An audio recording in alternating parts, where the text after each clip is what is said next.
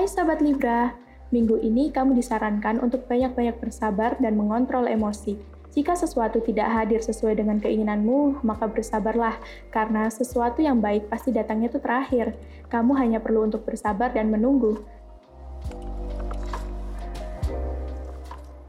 Percintaan untuk Sobat Libra Lovebird, kamu pasti akan protes jika pasanganmu terkesan cuek kepadamu, karena sejatinya Libra menyukai pasangan yang romantis.